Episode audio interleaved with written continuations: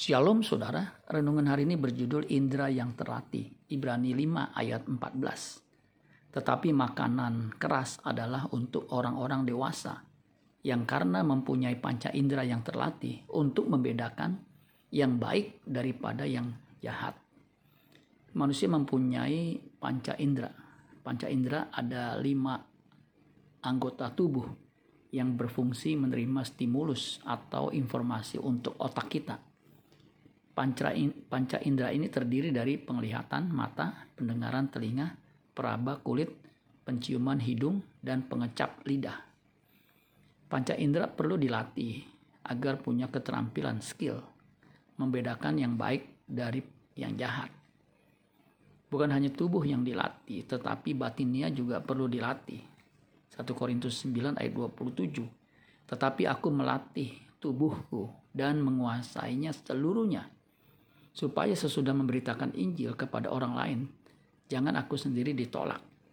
1 Timotius 4 ayat 8, latihan badani terbatas gunanya, tetapi ibadah itu berguna dalam segala hal karena mengandung janji, baik untuk hidup ini maupun untuk hidup yang akan datang. Panca indera terhubung dengan otak, organ untuk berpikir yang juga perlu diperbaharui. Roma 12 ayat 2, janganlah kamu menjadi serupa dengan dunia ini. Tetapi berubahlah oleh pembaruan budimu, sehingga kamu dapat membedakan manakah kehendak Allah, apa yang baik, yang berkenan kepada Allah, dan yang sempurna.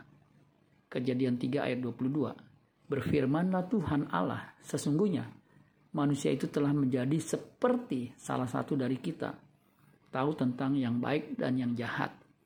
Maka sekarang, jangan sampai ia mengulurkan tangannya dan mengambil pula dari buah pohon kehidupan itu dan memakannya sehingga ia hidup untuk selama-lamanya. Kepekaan akan suara Tuhan tidak bisa diperoleh dengan seketika, tetapi harus dimulai dengan kerinduan dan kemauan yang kuat mengetahui dan melakukan kehendaknya lewat membaca, mendengarkan, dan melakukan firman-Nya. Dengan memiliki kepekaan akan suara Tuhan, kita dapat membedakan yang baik daripada yang jahat. Manakah kehendak Allah, apa yang baik, yang berkenan kepada Allah, dan yang sempurna. Kita juga bisa menikmati berkat Tuhan dalam setiap masalah.